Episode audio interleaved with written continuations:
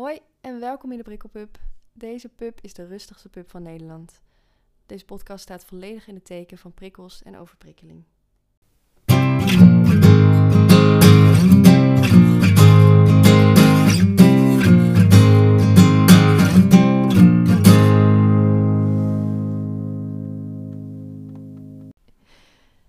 Superleuk dat je weer luistert naar de Prikkelpub podcast. Ik eh, ben nog steeds online, want nog steeds eh, corona. En eh, ik, ben, ik ben vandaag in gesprek met Claire. Ik vind het superleuk dat zij te gast is. Niet alleen hou ik van haar recepten en alles wat ze deelt is zo ontzettend herkenbaar op, op, Instagram, op Instagram, YouTube en haar website. Ehm, zij is van het account Bijzonder Auto-immuun, mocht je dat kennen. Claire, wat ontzettend leuk dat je er bent. Hoe gaat het met je? Ja, dankjewel. Leuk. Um, ja, gaat wel goed. Ik ben een beetje moe. Ik heb niet zo heel veel oh. geslapen. Ehm, maar de adrenaline, die maakt het wel weer even goed. Gelukkig. even een adrenaline high. precies. En wat, wat doe je precies online? Um, online, ja. Ik heb dus mijn account Bijzonder Auto-immuun. Een website die daarbij hoort. En sinds kort een YouTube-kanaal. Ehm, en daar deel ik vooral mijn eigen ervaring met uh, het leven met een auto-immuunziekte en een chronisch ziek zijn in het algemeen. Um, zoals je zei, deel ik ook recepten. Um, omdat ik mijn eigen voeding heb moeten aanpassen om mij beter te voelen en om ja, mijn lichaam een beetje te ondersteunen. Mhm. dus dat deel ik vooral online.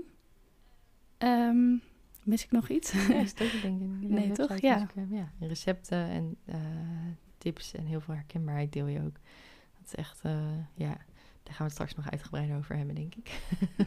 en naast, uh, wat dat is natuurlijk, tenminste, is het eigenlijk je werk? Nee, dit is niet mijn werk. Dit is uh, mijn uit de hand gelopen hobby. ja, je passie en je... ja. Precies, nee, ik studeer nog eigenlijk. Um, ik zit nu in mijn derde jaar culturele antropologie aan de Universiteit Leiden. Um, volgend jaar ga ik mijn scriptie doen, dus ik doe er één jaar langer over dan de meeste mensen. Ehm, en daar ben ik eigenlijk hiernaast volledig mee bezig. Ja, dus geen, uh, ja, plus de Floor Academy dan nog, maar geen, uh, geen baan, geen officiële baan. Nog niet, nog niet. Komt wel. Wil je eigenlijk ook uh, van, um, van je, je, je, je uit, uit de hand gelopen hobby, wil je daar ook je werk van maken? Of heb je... niet fulltime. Ik wil er wel... Um, een beetje de inkomen uithalen. Dat ook mm. de effort die ik erin stop, dat dat ook een beetje terugkomt. Ook omdat het heel veel tijd en energie kost. Ehm, en ik denk dat ik ook meer zou kunnen doen of beter zou kunnen werken als ik er ook geld voor terugkrijg. Ehm, maar niet fulltime. Eigenlijk uh, is mijn droom om professor te worden aan de universiteit. Oh, ja, dat zou ik echt mijn eigen onderzoek doen en lesgeven. Dat zou echt, uh, ja. Tof, dat zie ik je ook echt wel doen. Denk je van, wat, ja, ja. ja. ik vind het ook een leuke toevoeging voor vandaag, dat we ook een beetje wat meer uh, kennis gaan delen. Normaal heb ik het meestal veel over ervaringen, persoonlijke ervaringen en zo. Dat gaan we zeker ook doen, maar ook een beetje over, uh, over kennis die we hebben en zo. Dus dat vind ik ook heel leuk. Maar ik vraag altijd aan het begin altijd aan mensen van, um, omdat we het vooral over prikkels hebben. Wat is uh, voor jou nou een fijne prikkel en wat is een nare prikkel voor jou? Um, een hele nare prikkel zijn voor mij hele hoge tonen, hele hoge geluiden. Oh ehm, mensen die heel hoog gaan zingen, dat vind ik heel erg lastig. Um, en daarbij zijn het ook wel geluiden die voor mij geen functie hebben, bijvoorbeeld. Of waarvan ik mhm. niet zo goed kan plaatsen waarom ze er zijn. Dat vind ik altijd heel erg oh lastig. en een fijne prikkel. Oeh, dat is een goeie. Ik denk, voor mij is muziek een fijne prikkel. Mhm. Als het een uh, langzame, lage tonen vind ik heel erg fijn. Um, en als het voorspelbaar is. Ja. ja. Het is grappig wat je zegt van die nare prikkel. Want dan denk je ineens, dat heb ik ook, ja. Als het geen functie heeft of dat je niet weet. Uh, ja, ja, Dan, dan is het echt heel erg, um, ja, heel erg verwarrend ook. Ja. Ik heb die neiging zelfs nog wel eens een beetje bij mijn baby als die haalt. Dat ik dan denk van, wat is er aan de hand en kan ik het oplossen? Misschien hebben meer ouders dat, maar, maar ik heb dat specifiek ook. Dan ik denk, als je gewoon helpt voor het huilen, dan... Ik huil maar, maar ja, wat moet je daarmee? Maar goed, we gaan het uh, nou ja, eigenlijk vooral hebben vandaag over, uh, over pijnprikkels. En um, nou ja, wat je daar aan kunt doen of wat je daarmee kunt doen. Um, ja, we hebben allebei uh, dus chronische aandoeningen en allebei ook regelmatig volgens mij last van pijn. Kun jij wat vertellen over, je zei net al iets kort, maar kun je wat vertellen over, je, over jouw lichamelijke klachten? Ehm, ja, dus even algemeen. Ik heb een auto-immuunziekte, de ziekte van Hashimoto, waarbij mijn, auto mijn immuunsysteem uh, mijn schildklier aanvalt. En mijn schildklier gaat daardoor kapot en kan zijn werk niet meer doen. Um, en dat zorgt niet per se voor pijn. Ik heb daardoor wel um, allerlei vage klachten gehad, waaronder wel gewrichtspijn. Daar heb ik nu minder last van. Maar daarnaast heb ik ook endometriose. En dat houdt in dat ja, weefsel wat lijkt op het baarmoederslijmvlies gaat groeien op andere plekken in het lichaam. Ja. Ehm, en dat zorgt voor ontsteking en dat zorgt voor um, soms bloedingen, uh, opzwelling van bijvoorbeeld de buik. En bij mij zorgt dat dus ook voor elke maand dat ik heel veel last heb, heel veel pijn heb tijdens de menstruatie. Mm. een tijdje heb ik dat ook buiten de menstruatie gehad, nu op dit moment niet. Dus dat is heel fijn. Ja. ja. maar vooral tijdens de menstruatie zorgt het voor hele heftige pijn. Ehm, en het is bij iedereen ook een beetje, iedereen met endometriose is dat anders waar die pijn zit. En dat maakt het ook een beetje lastig. Heel veel mensen hebben het over krampen in de buik. En nou, die heb ik bijna niet. Ehm, de afgelopen maanden iets meer dan normaal. Maar dat is niet voor mij de meest heftigste pijn die voor mij zit. Ja, dat is heel lastig uit te leggen. Maar um, het zit bij mij achter de baarmoedermond. Mm en dat is een pijn die doorstraalt tot mijn been naar onder en naar boven tot mijn onderrug, zeg maar. Echt heel uh, intern, zeg maar. Veel, uh... Ja, heel erg diep precies, dat het. bedoel ik. Ja. En je kunt, maar je kunt het nee, wel soort van lokaliseren waar het dan ongeveer zit. Ja, want ik, ik voel het ook soort van meebewegen. Oh, ja, dat klinkt heel erg raar. Um, en dat maakt het ook heel erg apart. Ook omdat de pijn, zeg maar, ik kan heel erg voelen dat de pijn niet, als ik me beweeg, dan gaat het later pijn doen. En dat kan dan een minuut later zijn, maar de effecten voel ik pas later. Dus als ik bijvoorbeeld op mijn bed lig, op mijn rug en ik draai mij mhm. om, dan voel ik de pijn soort van, ja, ik voel de plekken zeg maar pijn doen. Ehm, maar ongeveer een kwartier later zal het nog meer pijn gaan doen en nog heftiger worden. Dus ja, ik voel het een soort van meebewegen. Wauw, dat klinkt ook wel alsof je er een soort van echt in bent gedoken in de, in de pijn, zeg maar. Ja, tenminste. ja. ja.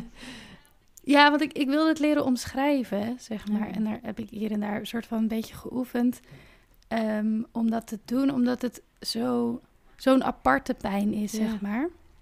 En ik ben, natuurlijk wil je het ook omschrijven naar de huisarts en naar de gynaecoloog en, en specialisten waar je dan bij bent.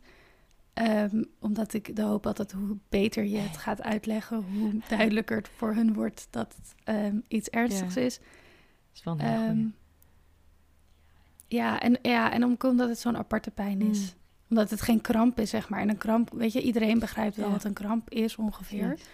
Uh, het is alleen die intensiteit die het verschil maakt. Maar hierbij gaat het niet om een kramp, want het is een, een pijn die altijd aanwezig is, alleen met een soort van vlagen heftiger wordt en minder oh heftig. Ehm, dus ja. En ik vind dat omschrijven, om mezelf daar dat uit te dagen, om dat te omschrijven, vind ik ook wel een soort mooi. Ja, ja, ja, maar het is ook wel mooi inderdaad dat je er dan juist soort van bij stilstaat. Dan kan ik me ook voorstellen dat het niet uh, fijn is. Om dan, oh ja, daar voel ik het. Oh ja, auw, nee, oké. Oh nee, klopt.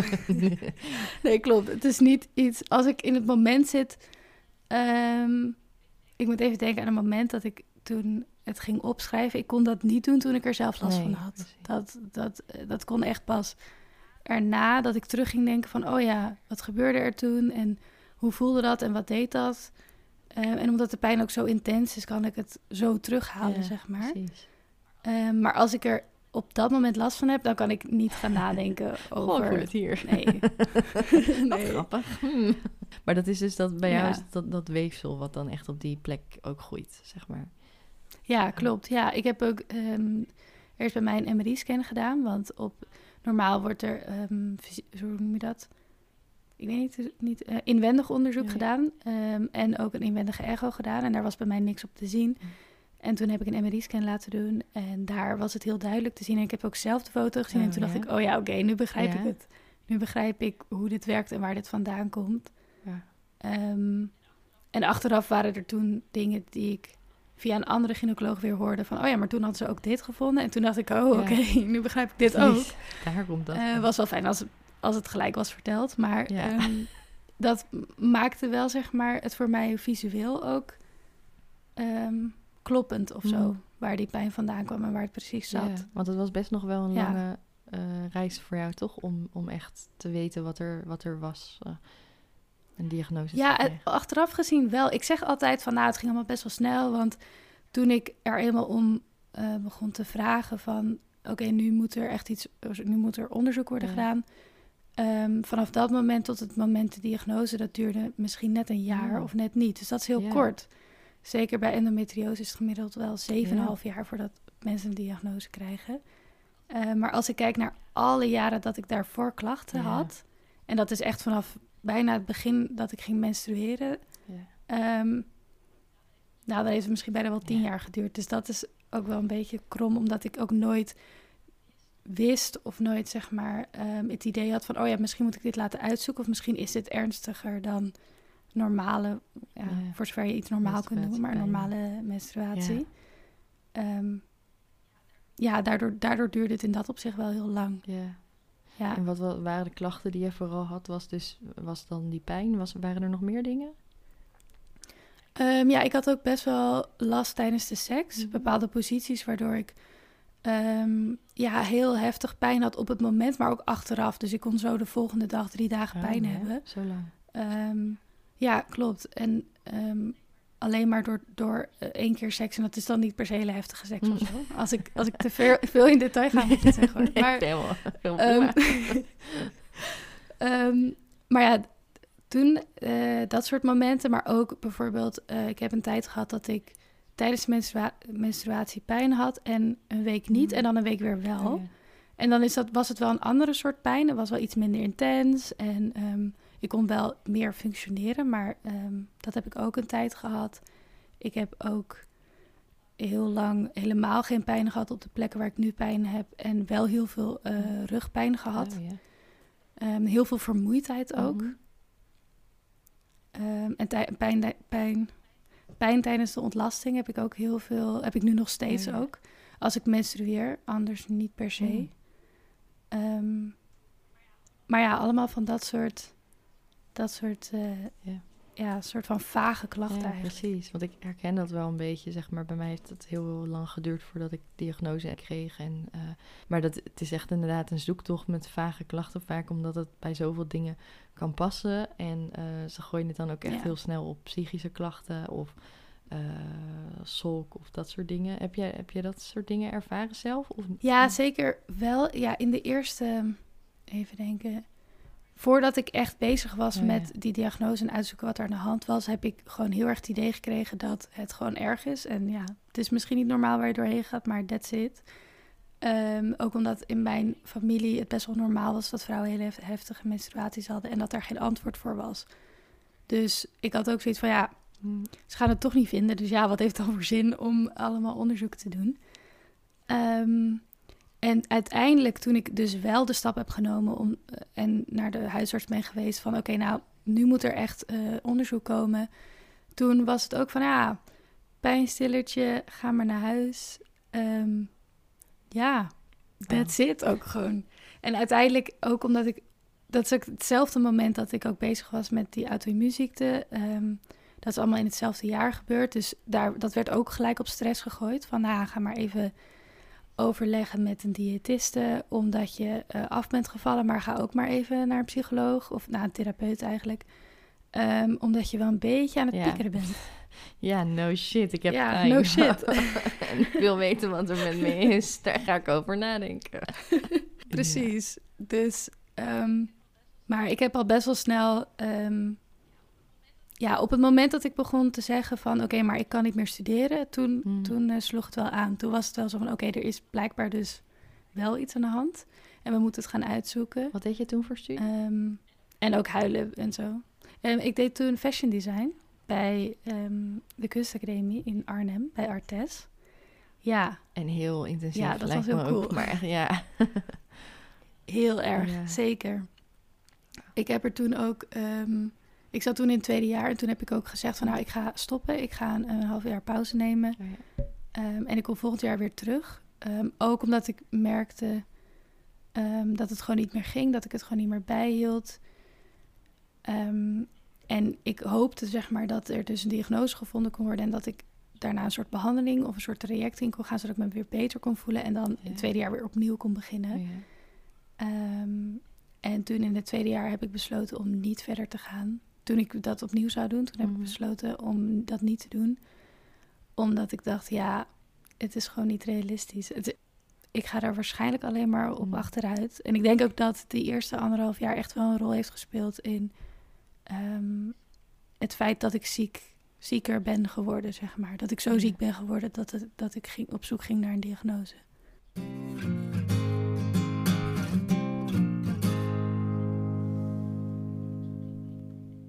Ja, precies. Want toen, toen stopte je met je studie en toen ben je, ben je uiteindelijk op zoek gegaan. Hoe heb je een manier gevonden voor jezelf om het draaglijk te maken? Je hebt natuurlijk met voeding heel veel gedaan. Heb je ook nog dingen gedaan met, met uh, het accepteren of ehm, ja. je leven zo inrichten dat het makkelijker wordt voor je, behalve je studie dan? Ja, dat is wel een proces inderdaad. Ja, ik ben toen ehm, voor de tijdlijn toen ik ben gestopt, toen ik zeg maar uh, zogenaamd een pauze in had gelast, dus voordat ik nog had uh, besloten dat ik helemaal ging stoppen, uh, toen ben ik mijn voeding gaan aanpassen en toen heb ik een heel protocol gevolgd, speciaal voor mensen met een auto-immuunziekte. En dat heeft echt wel een groot verschil gemaakt. Um, maar wat ik ook merkte, hele praktische dingen voor mij die heel belangrijk zijn, is genoeg slaap, een goed ritme.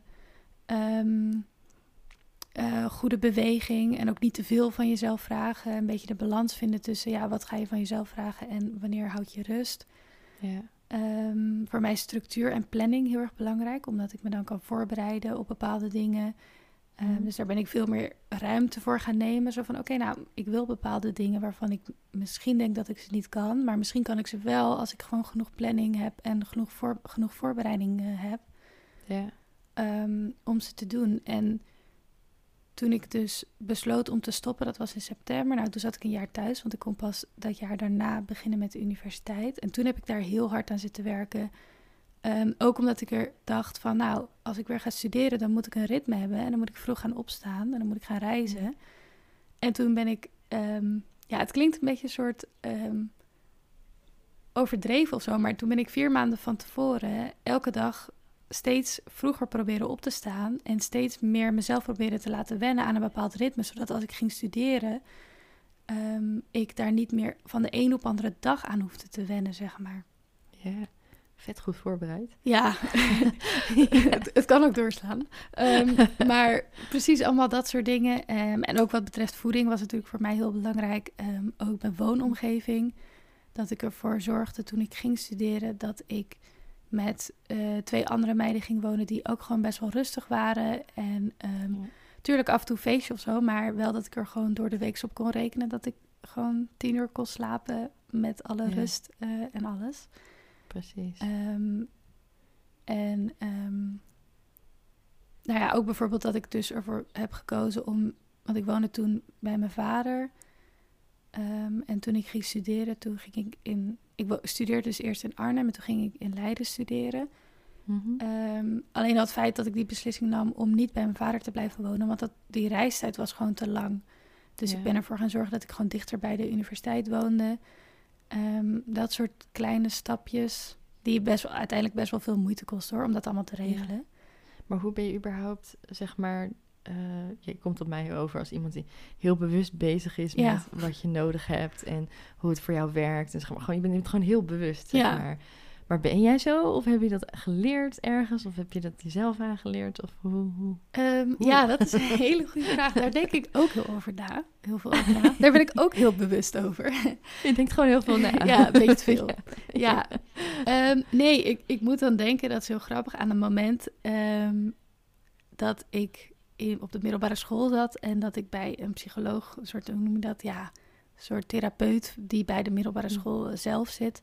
Ehm, en toen ging ik aan haar uitleggen hoe ik nadacht. En toen zei ze van ja, maar je bent gewoon de hele tijd aan het voorbereiden op wat andere mensen doen. Toen zei ze, dat moet je gewoon niet doen. En toen dacht ik, oké, maar hoe moet ik dan leven? Want dat is gewoon, dat is hoe ik het doe, zeg maar. Ik moet vier verschillende opties gaan voorbereiden. En al die dingen kunnen gaan gebeuren, maar ik moet voorbereid zijn. Oh ja. Um, dus achteraf, als ik daar nu naar kijk, heb ik dat altijd gehad. En dat is ook een van de dingen waarom ik ehm, zelf denk aan autisme. Ik zit nu uh, in de, ik sta nu op de wachtlijst. Ehm, omdat ik niet, ik, ik moet dingen voorbereiden. En ik moet, ik ben altijd bezig met het analyseren van mezelf, van de mensen om me heen, van de gesprekken. Ehm, dit gesprek heb ik al vier keer gevoerd in mijn hoofd. maar dat, dat ben ik aan het doen, ook om dingen te verwerken uh, en om me voor te bereiden. Dus um, ja, al, al, ben ik nu wel meer op een andere manier zelfbewust. Waarin als je puber bent, dan ben je toch meer bewust uit een onzekerheid. Zo van, oké, maar wat als ik dingen fout doe? Of uh, mensen maken me misschien belachelijk, een beetje dat idee. Mm -hmm. En nu ben ik ook meer bewust vanuit het idee... oké, hoe kan ik goed voor mezelf zorgen en goed voor mijn lichaam zorgen? Um, en genoeg ruimte innemen of ruimte overhouden voor andere mensen. Dus ook meer op een veel liefdevollere manier ben ik nu zelfbewust. Ja. Ja, dat is grappig. Daar was, ik, daar, was, daar was ik me nog niet bewust van, maar dat bedenk ik me nu. ik, moet meteen aan twee, ik moet meteen denken aan, uh, aan twee dingen eigenlijk komen er mij op. Van uh, eerste uh, um, Zuidverhaal. Of nee, eigenlijk eerst laat ik eerst die vraag gaan stellen voordat ik zelf weer in een heel verhaal beland. maar, maar ben, jij, ben jij dan ook heel erg bezig met uh, die, die pijnprikkel heb je? Um, ben je dan heel erg bezig met lichaamsbewustzijn? Juist ook heel erg in je lichaam, uh, heel erg in je lichaam voelen of uh, op, op een positieve manier ook? Um, als ik pijn heb, dan niet. Dan, nee, dan uh, is de pijn zo heftig um, dat ik beter op allerlei andere manieren voor afleiding kan zorgen. Ja. Um, en het ligt er ook aan. Nee, als ik menstruatiepijn heb, dan um, die endometriosepijn, dan kan ik dat echt niet. Ja. Dan is dat ook heel gevaarlijk. Dan ook. Gewoon lam. Ja. Want dan zou ik ook in paniek raken en dan zou ik. Ja, uh, ja dat, dat vind ik heel gevaarlijk. En dat probeer ik echt, dat probeer ik echt te vermijden. Hmm. er zijn denk ik andere, als ik bijvoorbeeld gewrichtspijn heb, dan vind ik het niet zo erg. Dan kan ik dat wel goed. En dan kan ik wel een soort van um, ja, in mijn lichaam komen om er een soort van mee om te gaan. Mm -hmm. Ik vind dat moeilijk uit te leggen.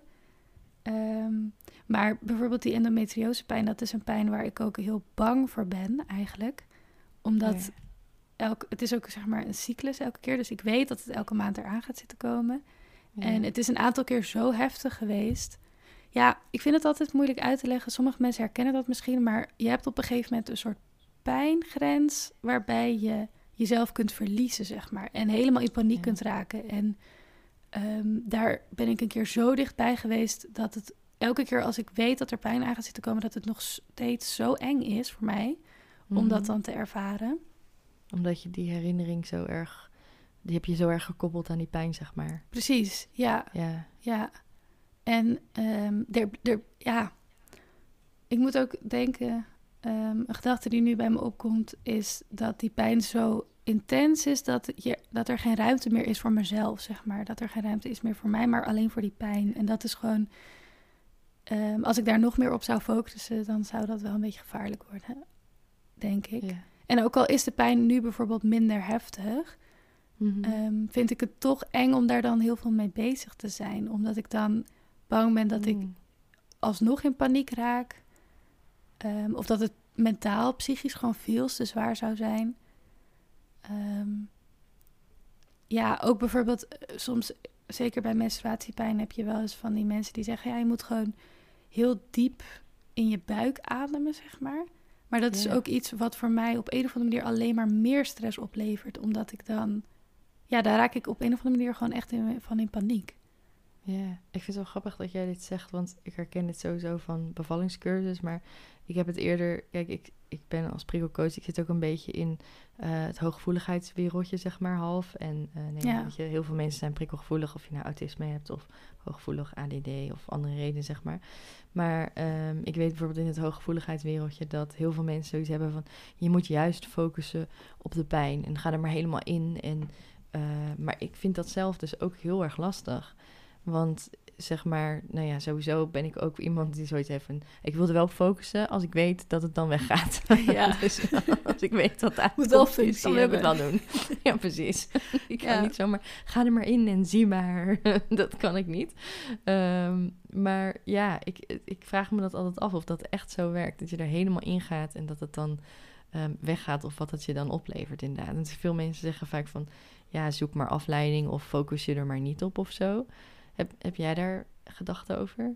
Ja, ik zit net te denken. Ik denk dat ehm, als het om emotionele pijn gaat, ehm, Oh, ja. of pijn die daarvan uitkomt, dan denk ik dat Ja. het heel goed kan zijn om er helemaal in te gaan zitten. Ik heb dat ook als ik heel emotioneel ben of me heel slecht voel.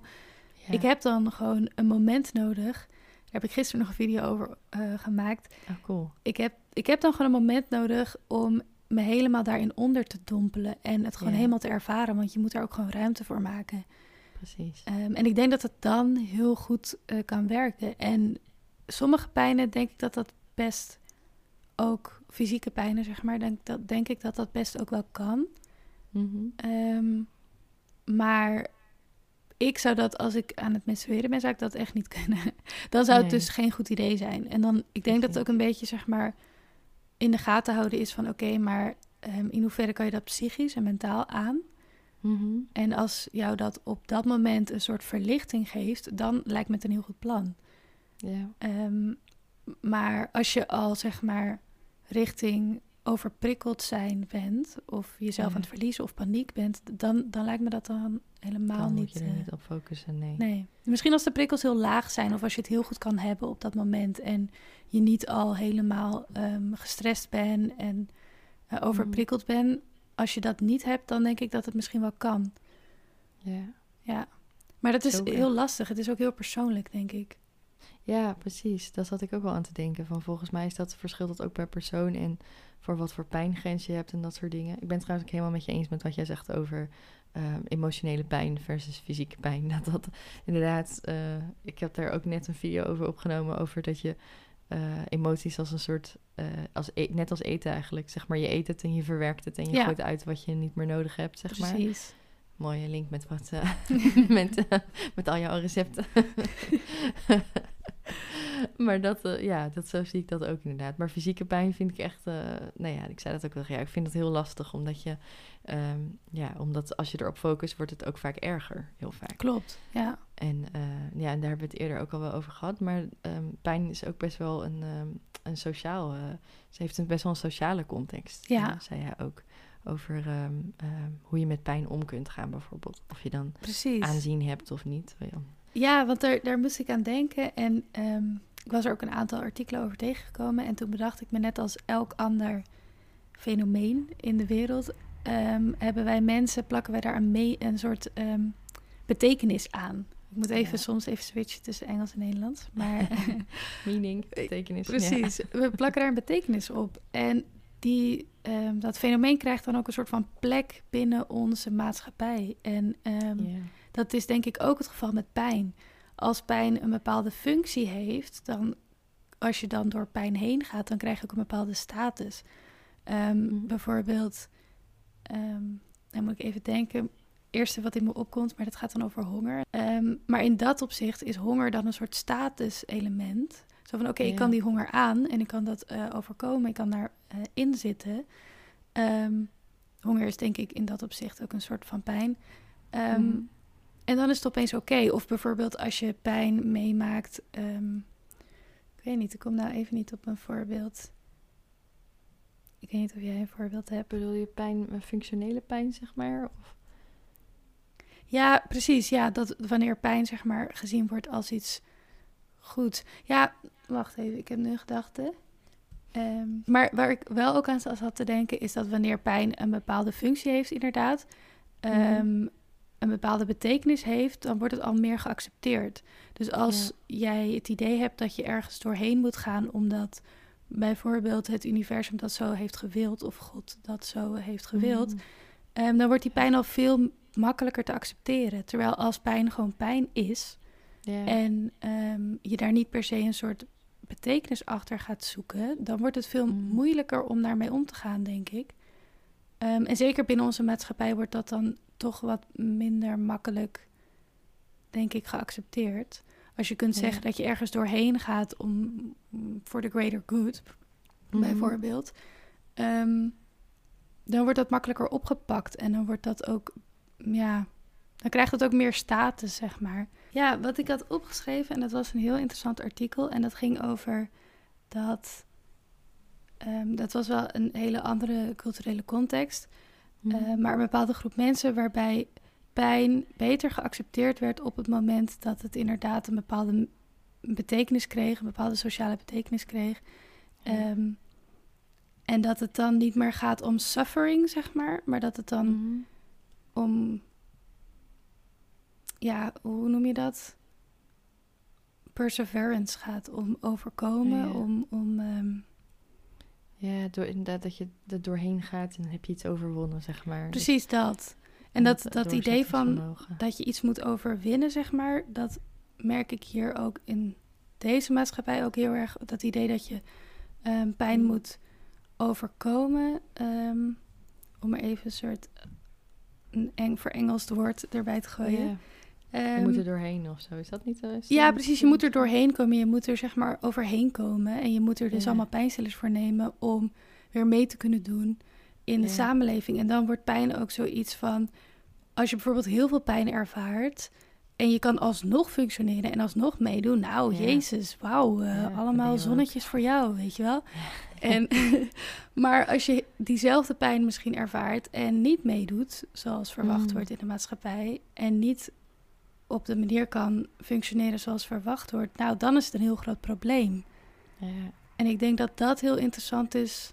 Ja, omdat het ook ons iets vertelt over hoe we met pijn om kunnen gaan, denk ik. Ja, ik denk ook dat er vroeger... Kijk, vroeger had je gewoon veel meer pijn. Nu zijn we gewoon... Nou ja, ik weet niet. Ik ben altijd heel erg van dat lichaamsbewustzijn dus. En een stukje in contact met je lichaam waarvan je gewoon... ehm, ja, we zijn gewoon veel minder in contact met ons lichaam, denk ik. Maar vroeger liep je gewoon met ehm, een keel... Of met, met eh, eh, kaakontstekingen of... eh, kies, een kies die getrokken moest worden, maar dat, dat gebeurde niet, want er waren nog geen tanden. Je had gewoon vroeger veel meer pijn en liep je daar langer mee rond en misschien wel chronisch, zeg maar. Ja, En tegenwoordig als we iets van pijn voelen, dan nemen we al... ik ken mensen die echt al bij de eerste hoofdpijn meteen paracetamol Ja. grijpen bijvoorbeeld. Dat is iets wat ik echt niet doe, zeg maar. Ik, ik zie het veel meer als een soort teken van... oh, mijn lichaam heeft rust nodig, bijvoorbeeld. Ik had daar in de vorige aflevering over met Jelma... over eh, hoofdpijn en prikkelbare darmen en zo. En ehm, dat dat ook een soort eh, ja, gaatmeter, zeg maar, kan zijn voor, Ja. voor je lijf. Of verbind jij zelf ook eh, dingen in je lijf aan... ehm, nou ja, emoties gaat misschien wat ver, maar gewoon dat je bijvoorbeeld weet van... oh, ik moet het nu rustiger aandoen. Of oh, zeker. lichaam geeft een signaal of zo. Zeker, zeker. Ik heb sowieso al, als ik in de aanloop bijvoorbeeld eh, naar de menstruatie... ehm, Mm. dat als ik bepaalde symptomen voel opkomen... dat ik denk, oh ja, oké, nu moet ik inderdaad echt ehm, stappen terug Ja. doen... en meer rust nemen. Maar ik probeer daar heel bewust eh, op te zijn, inderdaad. Omdat ik merk dat ik dan er beter op kan inspelen. Ehm het mijn ding is ook een beetje dat als ik een structuur heb voor mezelf, bepaalde verwachtingen heb, het voor mij heel erg veel energie kost als die planning of die structuur niet gaat zoals ik dat verwacht. Hmm. Ehm, dus door op te letten op bepaalde dingen in mijn lichaam als die gebeuren, dan kan ik me ook voorbereiden van, oh ja, oké, planning gaat waarschijnlijk niet lukken en dat is helemaal oké. Ja. Ehm, en dat is inderdaad bijvoorbeeld pijn, maar ik heb ook heel veel huidklachten, heel veel eczeem en acne. Mhm. Eh, en dat, dat zijn ook dingen dat als die heftig worden of terugkomen, ehm, dat ik dan even ga evalueren. Oké, wat heb ik gedaan? Ehm, of kan ik even een stapje terugzetten? Dat klinkt allemaal makkelijker dan dat het is hoor. Maar ja, en ook wel bijvoorbeeld, ja, ik moet denken aan eh, wat je zei over emoties. Ehm, zeker wel, want wat ik dus veel ervaar bij mezelf is dat ik het moeilijk vind om emoties te duiden. Mhm. Ik vind het heel moeilijk om emoties van elkaar te onderscheiden, maar ook door te hebben dat ik een emotie heb. Ehm, Ik kan zo doorgaan terwijl ik me belachelijk verschrikkelijk voel. Ja. Ehm, en door juist op fysieke symptomen te letten, kan ik heel goed denken van, oh ja, misschien ervaar ik nu een emotie die niet zo prettig Ja. is. En misschien mag ik daar gewoon eventjes ruimte voor maken en even voor gaan zitten. Ja. Ehm, bijvoorbeeld, ik word dan ehm, heel snel oververmoeid. Of ik kan dan heel weinig prikkels aan als ik me emotioneel ook eh, niet goed voel. Mhm. Ehm, of als ik bijvoorbeeld heel verdrietig ben of heel erg boos ben, dan komen prikkels gewoon nog harder aan bij mij. Ehm, en dat, daar let ik dan nu op. Als ik dat merk, dan weet ik van, oh ja, volgens mij moet ik heel even met mijn emoties gaan zitten. ja. En zou je eh, misschien een hele moeilijke vraag hoor. Ik weet niet of je daar iets mee kunt, maar ik spreek best wel veel mensen die het moeilijk vinden om eh, dat contact met hun lichaam aan te gaan, zeg maar, of hem überhaupt te gaan voelen. Wanneer raak ik overprikkeld? Waar zit een emotie? Iets te voelen. Heb je iets, heb je, nou ja, voor jezelf misschien een tip gehad waardoor je denkt, zo werd het wat makkelijker om mijn lichaam te voelen? Ja, uh, yoga, de cliché. Oh, ja. um, nee, ja, helpt wel. Maar ik doe niet heel intensief yoga hoor. Maar um, door elke ochtend even te gaan stretchen vind ik heel erg fijn. Even mm -hmm. wat, wat rekoefeningen te doen. Um, en dan word ik me ook bewust van bepaalde soort... Ja, ik wil niet blokkades noemen, maar bepaalde dingen die niet helemaal lekker gaan in mijn lichaam. Ja. en dan kom ik ook meer in mijn hoofd tot rust, waardoor ik meer ruimte kan maken voor mijn emoties en voor wat er gebeurt in mijn lichaam. Um, wat mij ook heel veel helpt is uh, journaling. Ja. um, dus heel veel opschrijven. Uh, omdat mijn hoofd soms, mijn brein kan soms duizend kilometer per uur gaan. En dan ga ik overal mm. aan voorbij. En als ik het ga opschrijven, dan ga ik het ook verwerken. En dan ga ik er ook.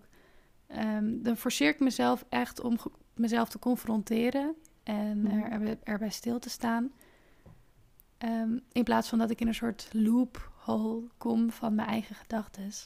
Dus dat helpt. Is dat journaling? Is dat gewoon ja, gewoon een... dingen die brei opschrijven? Of ja. specifiek op één onderwerp? Of? Nee, ik, ik schrijf gewoon um, alles op wat er in mij opkomt. En dat is in het begin even moeilijk, maar dan schrijf ik gewoon op...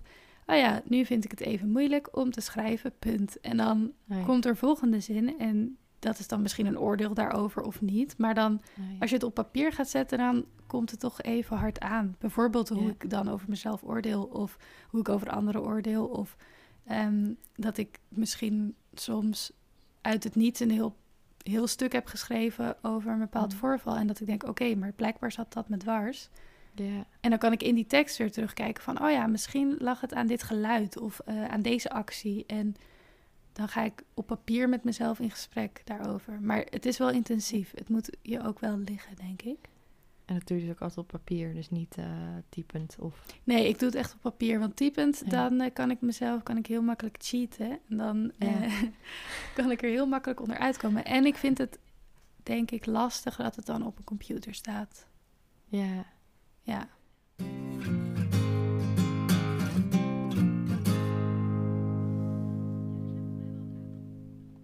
Ja, er zijn voor mij wel een aantal signalen waarvan ik weet, oké, okay, nu gaat het echt te ver, nu gaat het echt niet goed. En dat is bij mij vooral als ik bepaalde geluiden niet meer kan hebben. Dus als ik, um, dit is best wel een gehoorig huis. Mm -hmm. En als ik dan de deur hoor dichtvallen ergens en ik me daaraan ga irriteren, dan weet, dan weet ik gewoon van, oké, okay, um, we moeten het, even uh... iets gaan doen of zo daaraan.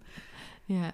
Um, dat dan soort ga je dingetjes. journalen. Of wat, wat ja, klopt. Je... Of dan ga ik het uitschrijven. Of dan ga ik... Um, soms ga ik ook juist afleiding zoeken. Of ervoor zorgen dat ik me ga ontspannen, zeg maar. Mm -hmm. um, maar dan merk ik gewoon dat ik in het algemeen al overprikkeld ben. En dat ik gewoon ervoor moet zorgen dat het niet verder gaat dan dat. Ja. Ook bijvoorbeeld, ik heb er heel veel moeite mee als dingen niet... soort van gebruikt worden voor de functie waarvan ik dacht dat ze hadden, zeg maar. Oh ja. Bepaalde herkenbaar. vorken worden alleen voor bepaalde dingen gebruikt in mijn hoofd, zeg maar. Heel herkenbaar dit. Pijnlijk herkenbaar. Um, maar dan, ja. dat vind ik dus dan lastig. En op een goede, in een goede week kan ik daar best wel mee omgaan als dat hier niet gebeurt. Mm. Want ik woon um, in een ja, gedeeld huis, voor degenen die dat niet weten. Dus ik deel mijn keuken um, met een iemand anders. En als dat niet gebeurt en ik heb een goede week, dan kan ik dat best wel mm. hebben. En dan kan ik gewoon daar niet over nadenken. Maar ja. als ik merk dat ik dan naar mijn kamer terugloop en dat ik dan een beetje soort boos ga zitten doen tegen me iets of zo, of ja. een beetje soort geïrriteerd ga zitten doen. Dan dat zijn voor mij afspraken die ik soort van heb gemaakt in mijn hoofd. Oké, okay, dan gaat het te ver, dan moet je even een stapje terug doen. Ja. En even ontprikkelen of zo. Of hoe je dat ook wil noemen. Ja, ja. precies. Want gebeurt het vaak dat je overprikkeld raakt? Um, nou, je moet het inderdaad ook doorhebben. Ik heb het de afgelopen afgelopen jaar, anderhalf jaar, heb ik het heel goed doorgehad. Maar daarvoor had ik het nooit door. Ook omdat ik niet helemaal goed wist wat prikkels waren en overprikkeld. Oh. uh, oh. Fijne achtergrondgeluiden. Precies dat.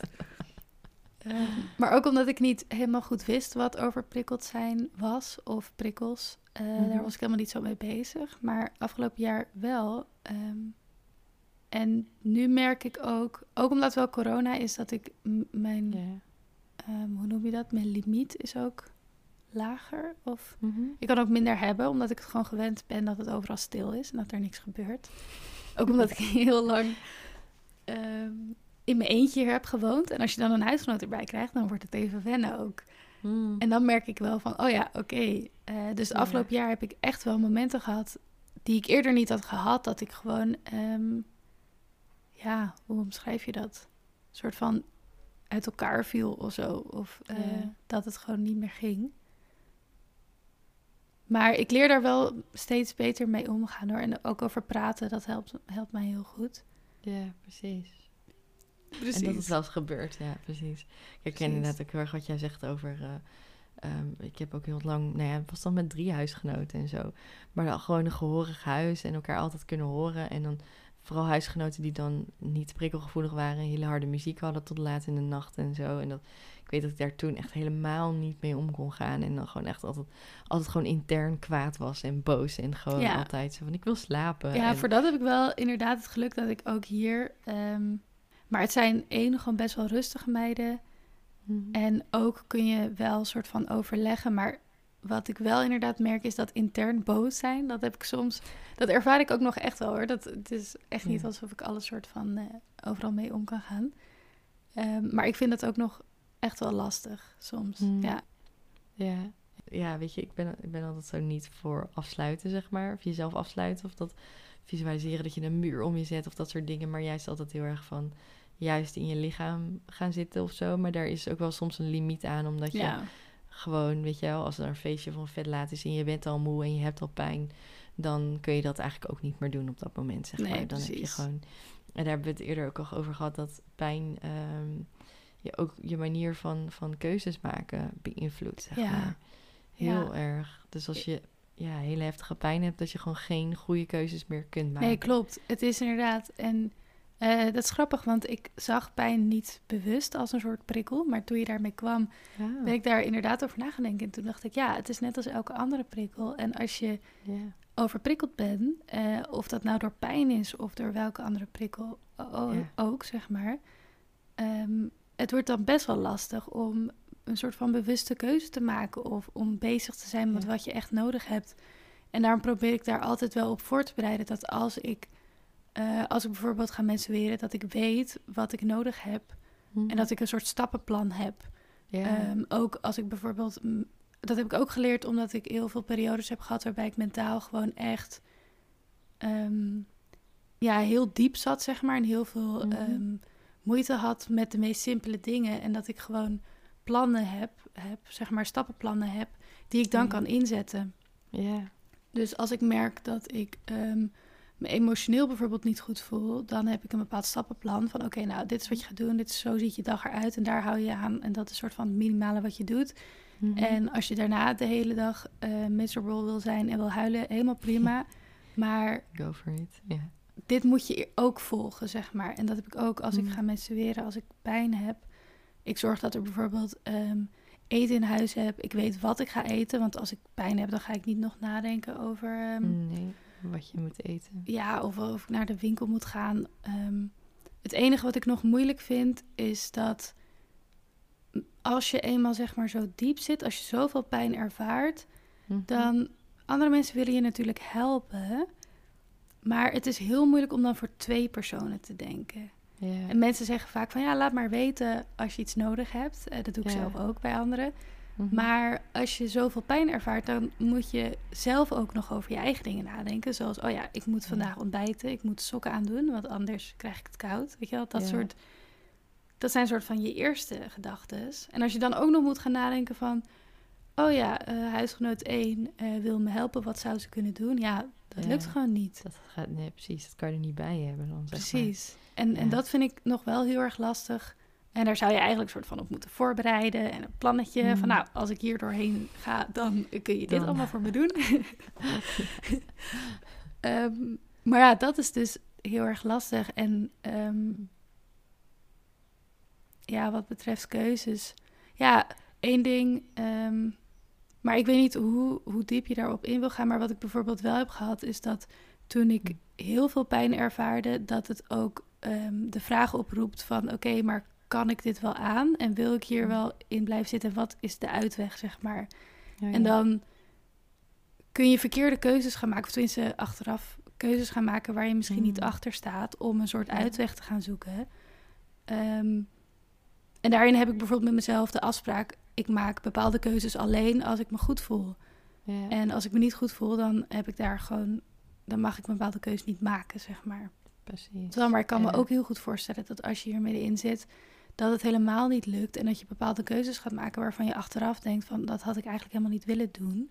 Mm. Ehm, of waarvan je denkt van ja, dat je daar spijt van hebt of zoiets. Dat, ja, Ja, ik heb, nee, ik heb dat zelf wel ervaren, ook met mijn bevalling, zeg maar. Dan maak je van tevoren zo'n plan. Echt mensen die luisteren Ja. die niks mee hebben, skip dit stukje maar. maar. Maar je maakt zo'n plan en dan zeggen ze wel van, ja, het loopt allemaal anders. Maar dan heb je in ieder geval een plan. En, eh, maar het is wel goed om over na te denken wat je graag zou willen. Dus in Ja. dat opzicht kan pijn echt wel, ehm, ja, kan je veranderen, zeg maar. Al is het maar voor een kort moment. zeker. En zeker ook, dat vind ik wel mooi, het verandert je. Ook je personaliteit kan heel anders worden. Ik heb Ja. momenten gehad dat ik dacht, nou laat ik eens gaan kijken hoe ik mijn menstruatie doorkom zonder pijnstillers. Ehm, dat was geen goed plan. Ik heb dat tien uur door. Ik heb dat tien uur volgehouden. En nog steeds denk ik dat was een tien uur waarvan ik dacht. Dat, nou, dat ging echt te ver. En toen heb ik ook. Ik had ook gewoon geen pijnstillers in huis. Ehm, vandaar ook eh, de, de keuze, zeg maar. En Ehm, ik weet nog dat ik, denk ik, na heel vroeg in de ochtend, want de nacht heb ik zeg maar nog net door kunnen halen. Mm. Ehm, heel vroeg in de ochtend echt mijn moeder smekend opbelde van wil je me alsjeblieft pijnstillers brengen, want ik, ik, ik red het gewoon niet. En een hele waslijst aan voeding die ik absoluut niet kon eten, ehm, maar die ik op dat moment gewoon echt moest hebben, omdat ik emotioneel gewoon echt een wrak was. Ehm, maar ook de manier waarop je je gedraagt, of de manier waarop je praat, of de manier waarop je denkt, Ja. wordt allemaal totaal anders. Omdat je gewoon alleen maar ruimte hebt voor die pijn. En niet meer voor jezelf en niet meer voor je eigen. eh, ja, voor de dingetjes die jou, jou maken, soort van, denk ik. Ja, op een gegeven moment kun je jezelf ook niet meer afleiden. Dat je Ja. gewoon... begin kun je nog, als het niet zo heftig is, dan kun je nog dingen doen. En dan is die pijn er. En dan kun je het nog een beetje wegzetten of zo. En op een gegeven moment dan is het zo heftig dat dat inderdaad alles overneemt. En je Ja. leven gewoon even op pauze staat, omdat er alleen maar die pijn eh, is. dan. Precies. Ja. Ja. Hangt het dan in dat opzicht, je zei net al iets over eten. Hangt dat ook heel erg samen voor jou? Pijn en eten? Ehm, in de zin dat als ik pijn heb, dat ik dan anders ga eten. Of als ik Ja, ja wel eten, niet eten. eh, Ehm, ja, nou, eten. dat vind ik heel eh, interessant en heel lastig ook. Omdat ik, ik weet tot op een zekere hoogte waar mijn endometriose zit. Maar ehm, omdat ik ook bijvoorbeeld niet aan de pil zit, kan het ook wel een beetje gaan groeien. Mhm. En heb ik een aantal klachten erbij gekregen waarvan ik denk, hmm, kan dit eh, misschien ook een invloed hebben? En wat ik heb gemerkt is dat ik eten heel erg lastig vind als ik eh, heel veel pijn heb. Ja. En ik ben dan ook bang dat eten de pijn erger gaat maken. Ehm, sowieso verteer ik bijna niks. Dus je hebt ook Mm. zoiets van, ah, heeft het dan nog wel, maakt heeft het dan nog wel zin om te eten? Maar Ja. Moet ik eten? Precies. Ehm, maar wat ik wel zeg maar waar ik op let, omdat ik dus ook niet zoveel verteer, dat ik dan gewoon wel heel zacht voedsel eet en heel veel soep en heel veel stoof. Eh, zeker Ja. geen rauwe dingen en zo, zeker geen salades. Mm. Ehm, omdat ik ook gewoon merk dat als ik dat zou eten... Ik heb al geen honger, dus dan kan ik maar beter iets eten... wat gewoon warm is en zacht is en makkelijk naar binnen gaat... dan iets waar ik heel veel moeite voor hoef te doen... en mijn lichaam ook heel veel moeite voor moet doen Ja. om het te verteren, zeg maar. ja. Ehm, dus dat is ook wel een hele bewuste keuze van... Hoe pas, ik mijn, hoe pas ik mijn voeding aan als ik heel veel pijn heb... of als ik aan het menstrueren ben. Mhm. Ehm, en er zijn natuurlijk wel, het is wel zo als ik bepaald voedsel eet, dat het effect heeft op hoeveel pijn ik ga hebben. Oh. Eh, maar dat is heel lastig om dat te weten en heel lastig om daarop in te spelen. ja. Ehm, Niet iets wat je 1, 2, 3 even doet, zeg maar. Nee, dat, en dat het is ook kost gewoon tijd. precies. En ik weet het ook gewoon soms niet. Kijk, ik ben wel gedisciplineerd, maar ik ben nou niet zo gedisciplineerd dat ik een soort experiment met mezelf ga uithalen. Nou, als ik nu dit ga eten, hoe ga ik me dan over vier weken voelen? Weet je wel, ja. nee, precies. Dat Daar heb ik ook geen heel zin veel in. tijd. nee, precies. Is er, is er tot slot nog iets wat, je zou, wat jij belangrijk vindt om te delen met mensen die eh, last hebben van chronische pijn? Stel je Ehm. luistert en je, herkent je hier heel erg in. Ik denk enerzijds, ehm eerst er natuurlijk een soort stigma op, op pijn, zeg maar. Een soort ehm stereotyp beeld van dat je er, ja... Dat pijn een soort iets negatiefs is en niet oké is. En dat als je pijn hebt, dat je je daar Mm. een soort van schuldig voor moet voelen. En dat je je verantwoordelijk moet voelen voor alle oplossingen die er zijn. Ehm, en ik ben echt wel voor het zoeken naar oplossingen en mogelijkheden. Mm. Maar dat het wel, als je nu echt hier, als dit heel herkenbaar is en als je middenin, hier middenin zit en als je zelf chronische pijn hebt, dat het gewoon niet je schuld is, zeg maar. En dat het gewoon Ja. heel oké is, ook als je er nu voor kiest om er niks mee te doen en nu maar al die pakken pijnstillers gaat vreten. Ja, Soms moet dat gewoon. Ehm, ook omdat ik zelf heel erg een soort haat-liefde relatie heb met pijnstillers. Ja. Enerzijds gebruik ik ze graag, want dan voel ik me beter. Hm. Ehm, maar ik weet dat het ook een heel negatief effect heeft op mijn darmen en op mijn lange termijn, op de lange Ja. termijn op mijn gezondheid. Ehm, dus ik weet hoe moeilijk het soms is om pijnstillers te nemen en om toe te geven dat je pijn hebt en om daar ruimte voor te maken. Maar ik zou graag willen meegeven dat het eh, oké is. En als jij nu pijnstillers nodig hebt en ehm, helemaal geen zin hebt om yoga te proberen of mindfulness om van je pijn aan te komen, weet je, eh, of van je Mhm. pijn af te komen, ja. Ja, doe het niet. Go Neem gewoon al die pijnstillers. ja, precies.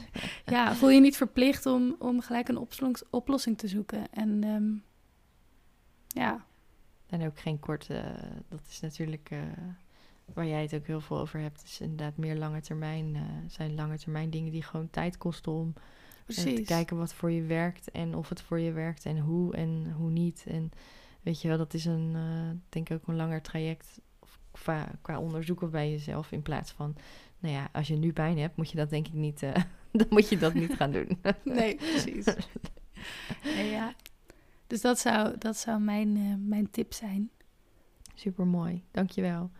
Ik, eh, ik denk dat we, dat we het zo gaan afsluiten. Ik vond Ja. het. We kunnen denk ik nog eeuwig doorpraten Ja. over pijn. En ik, er zijn nu weer allemaal dingen. Denk ik, oh, linkje met jouw YouTube-filmpjes en zo. Maar ik denk dat mensen gewoon eh, jou maar moeten gaan volgen op, eh, op Instagram, eh, bijzonder auto-immuun.